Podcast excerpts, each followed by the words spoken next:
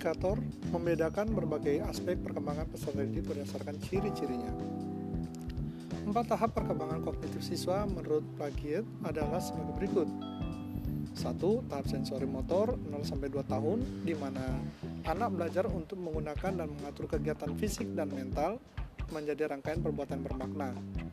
Pada saat ini pemahaman sangat bergantung pada kegiatan gerakan tubuh dan alat-alat indah mereka.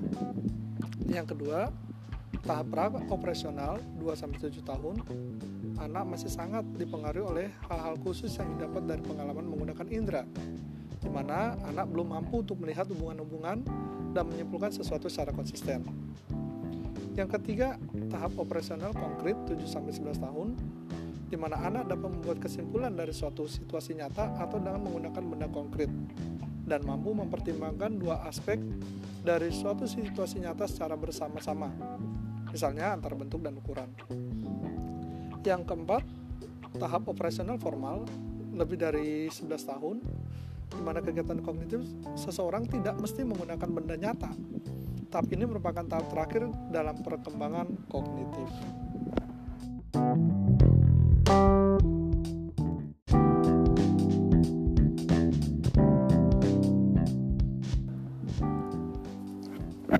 Indikator menentukan kesulitan belajar.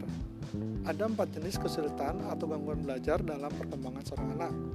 Yang pertama, kesulitan belajar akademis, meliputi kesulitan membaca, menulis, dan berhitung. Yang kedua, gangguan simbolik, yaitu tidak mampu untuk memahami suatu objek sekalipun ia tidak memiliki kelainan pada organ tubuhnya. Yang ketiga, gangguan non-simbolik, yaitu ketidakmampuan anak untuk memahami isi pelajaran karena ia mengalami kesulitan untuk mengulang kembali apa yang telah dipelajarinya. Dan terakhir, gangguan sosial emosional, yaitu gangguan yang berasal dari lingkungan dan emosi dalam diri anak. Sedangkan faktor penyebab kesulitannya adalah bisa saja faktor intelektual, kondisi fisik, kesehatan, atau kelainan sewaktu dikandung, faktor sosial seperti pengaruh teman, bermain, pergaulan dan lingkungan sekitar, atau faktor keluarga seperti keluarga yang tidak baik dan kurang dukungan belajar orang tua atau broken home. Sedangkan untuk cara mengatasi kesulitan belajar dapat dilakukan dengan perubahan tempat duduk atau bagi yang sakit kemudian disuruh istirahat, melakukan program remedial, bantuan media dan alat eh, peraga, serta suajar yang menyenangkan.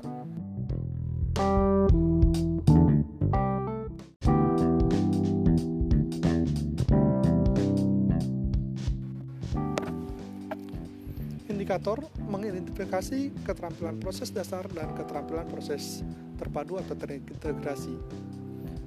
Ada proses dasar yaitu yang pertama mengamati baik secara kualitatif maupun kuantitatif yang selanjutnya mengklasifikasi mengkomunikasikan mengukur memprediksi dan menyimpulkan sedangkan yang terintegrasi atau terpadu adalah yang pertama keterampilan mengenali variabel membuat grafik menggambarkan hubungan tervariabel mengumpulkan dan mengolah data menganalisis penelitian menyusun hipotesis, mendefinisikan variabel, merancang penelitian, dan yang terakhir adalah keterampilan bereksperimen.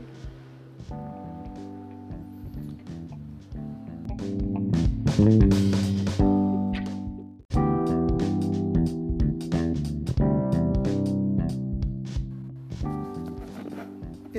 mengidentifikasi pengalaman belajar fisika, kimia, biologi sesuai dengan pendekatan saintifik menurut Permendikbud 81 tahun 2013 lampiran 4, proses pembelajaran terdiri atas lima pengalaman belajar yaitu mengamati, menanya, mengumpulkan informasi atau eksperimen, mengasosiasikan atau mengolah informasi, serta mengkomunikasikan.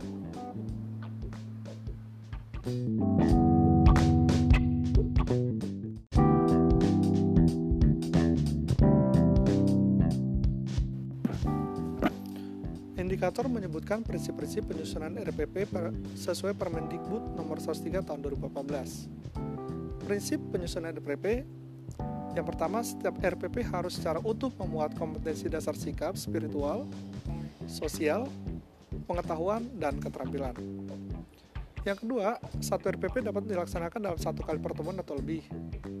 Yang ketiga, memperhatikan perbedaan individu serta didik. Yang keempat, berpusat pada peserta didik. Yang kelima, berbasis konteks atau sesuai dengan lingkungan sekitar sumber belajar. Yang keenam, berorientasi kekinian atau tentang teknologi yang terbaru. Yang ketujuh, mengembangkan kemandirian belajar. Kedelapan, memberikan umpan balik dan tindak lanjut pembelajaran dan yang kesembilan memiliki keterkaitan dan keterkepaduan antara kompetensi dan atau antar muatan. Indikator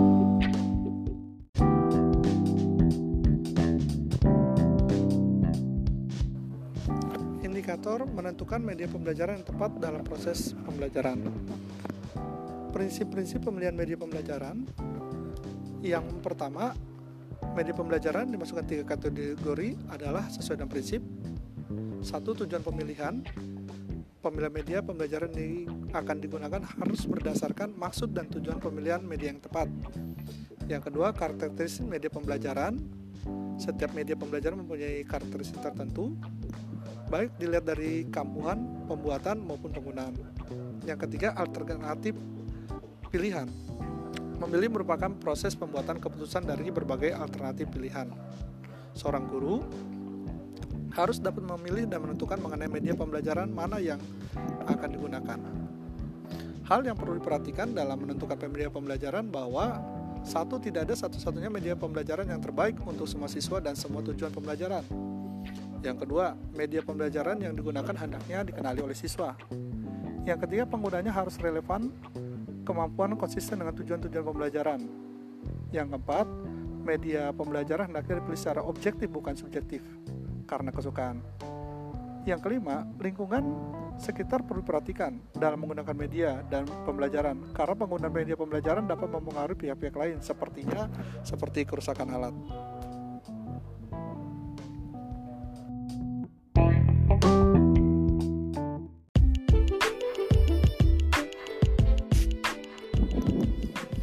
Indikator menentukan kegiatan pembelajaran yang memfasilitasi perbedaan aspek keterampilan untuk mencapai prestasi secara optimal. Satu, model pembelajaran secara langsung atau direct instruction.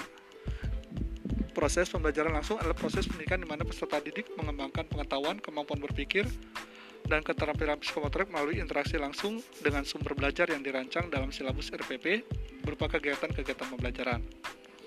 Yang kedua, model pembelajaran kooperatif atau cooperative learning. Ciri-cirinya, untuk menuntaskan materi belajar, siswa belajar dalam kelompok secara kooperatif.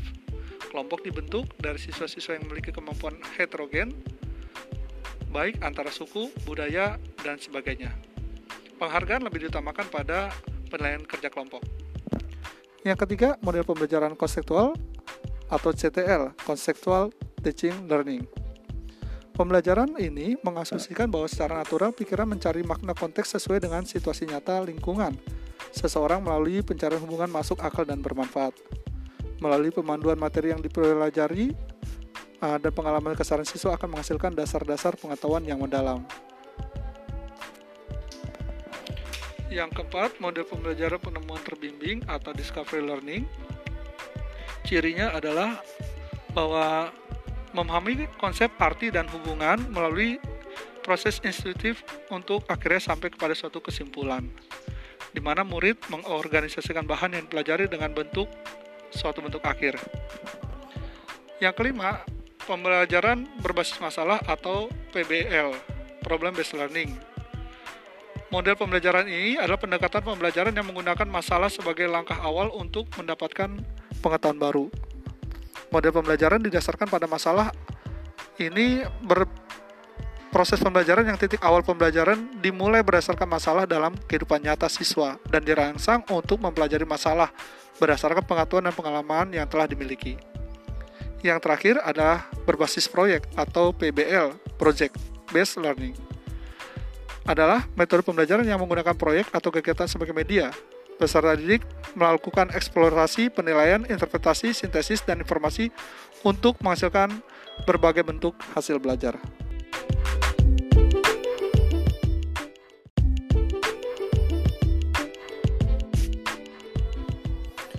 Indikator menjelaskan aspek-aspek hasil belajar yang penting untuk dinilai dan dievaluasi atau secara umum tentang penilaian. Penilaian mempunyai sejumlah fungsi dalam proses belajar mengajar yaitu satu sebagai alat guna mengetahui apakah siswa telah mengetahui menguasai pengetahuan, nilai normal dan keterampilan yang diberikan. Yang kedua, mengetahui aspek-aspek kelemahan peserta didik dalam melakukan kegiatan belajar. Yang ketiga, mengetahui tingkat ketercapaian siswa dalam kegiatan belajar. Yang keempat, sebagai sarana pembalik bagi seorang guru yang bersumber dari siswa. Yang kelima, sebagai alat untuk mengetahui perkembangan belajar siswa. Dan yang keenam, sebagai materi utama laporan hasil belajar kepada para orang tua siswa. Adapun tujuan penilaian minimal terdapat enam tujuan penilaian. Yang pertama, menilai ketercapaian tujuan. Yang kedua, mengukur macam-macam aspek belajar yang bervariasi. Yang ketiga, sebagai sarana untuk mengetahui apa yang siswa telah ketahui. Yang keempat, memotivasi belajar siswa.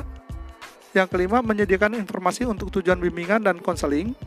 Dan yang terakhir, menjadikan hasil evaluasi dan penilaian sebagai dasar perubahan kurikulum.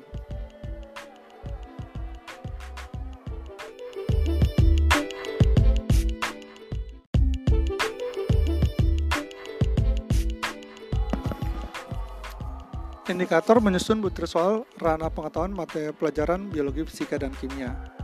Langkah penyusunan soal meliputi menentukan tujuan tes, yang kedua menentukan kompetensi yang akan diujikan, ketiga menentukan materi yang akan diujikan, keempat menetapkan penyebaran butir soal berdasarkan kompetensi, materi, dan bentuk penilaian, yang kelima menyusun kisi-kisi, yang keenam menulis butir soal, yang ketujuh memvalidasi butir soal, yang kedelapan merakit soal, yang kesembilan menyusun pedoman perskoran, yang ke-10 uji coba butir soal, yang ke-11 analisis butir soal secara kuantitatif dari data hasil empirik, dan yang terakhir adalah perbaikan.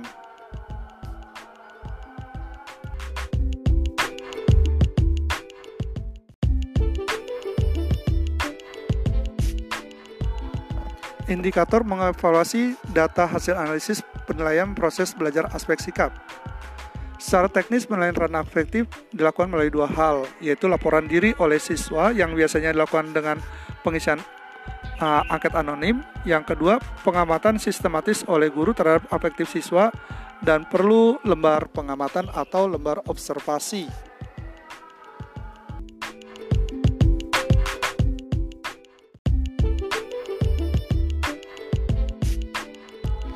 Indikator menentukan tindak lanjut pembelajaran berdasarkan kajian hasil penilaian pengetahuan. Peserta didik yang belum mencapai KKM perlu ditindaklanjuti dengan remedial, sedangkan yang telah mencapai KKM diberikan pengayaan dengan memperhatikan ketersediaan waktu pertemuan yang ada. Yang pertama, pembelajaran remedial dapat dilakukan dengan cara pemberian belajar ulang dan metode dan media yang berbeda menyesuaikan dengan gaya belajar peserta didik. Pemberian belajar bimbingan secara perorangan hanya pada peserta didik yang harus remedial Pemberian instrumen-instrumen atau latihan secara khusus dimulai dengan instrumen-instrumen atau latihan sesuai dengan kemampuan. Yang keempat, pemanfaatan tutor sebaya atau peserta didik dibantu oleh teman sekelas yang telah mencapai KKM. Pembelajaran remedial diberikan setelah segera uh, peserta didik diketahui belum mencapai KKM berdasarkan hasil PH, PTS, atau PAS. Pembelajaran remedial pada dasarnya difokuskan pada KD yang belum tuntas dan dapat diberikan berulang-ulang sampai mencapai KKM dengan waktu hingga batas akhir semester. Apabila sampai akhir semester tidak tuntas, maka diambillah nilai tertingginya.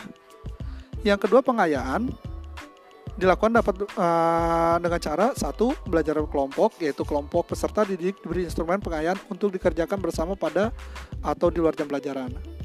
Yang kedua, belajar mandiri yaitu peserta didik diberi instrumen pakaian untuk dikerjakan sendiri secara individual.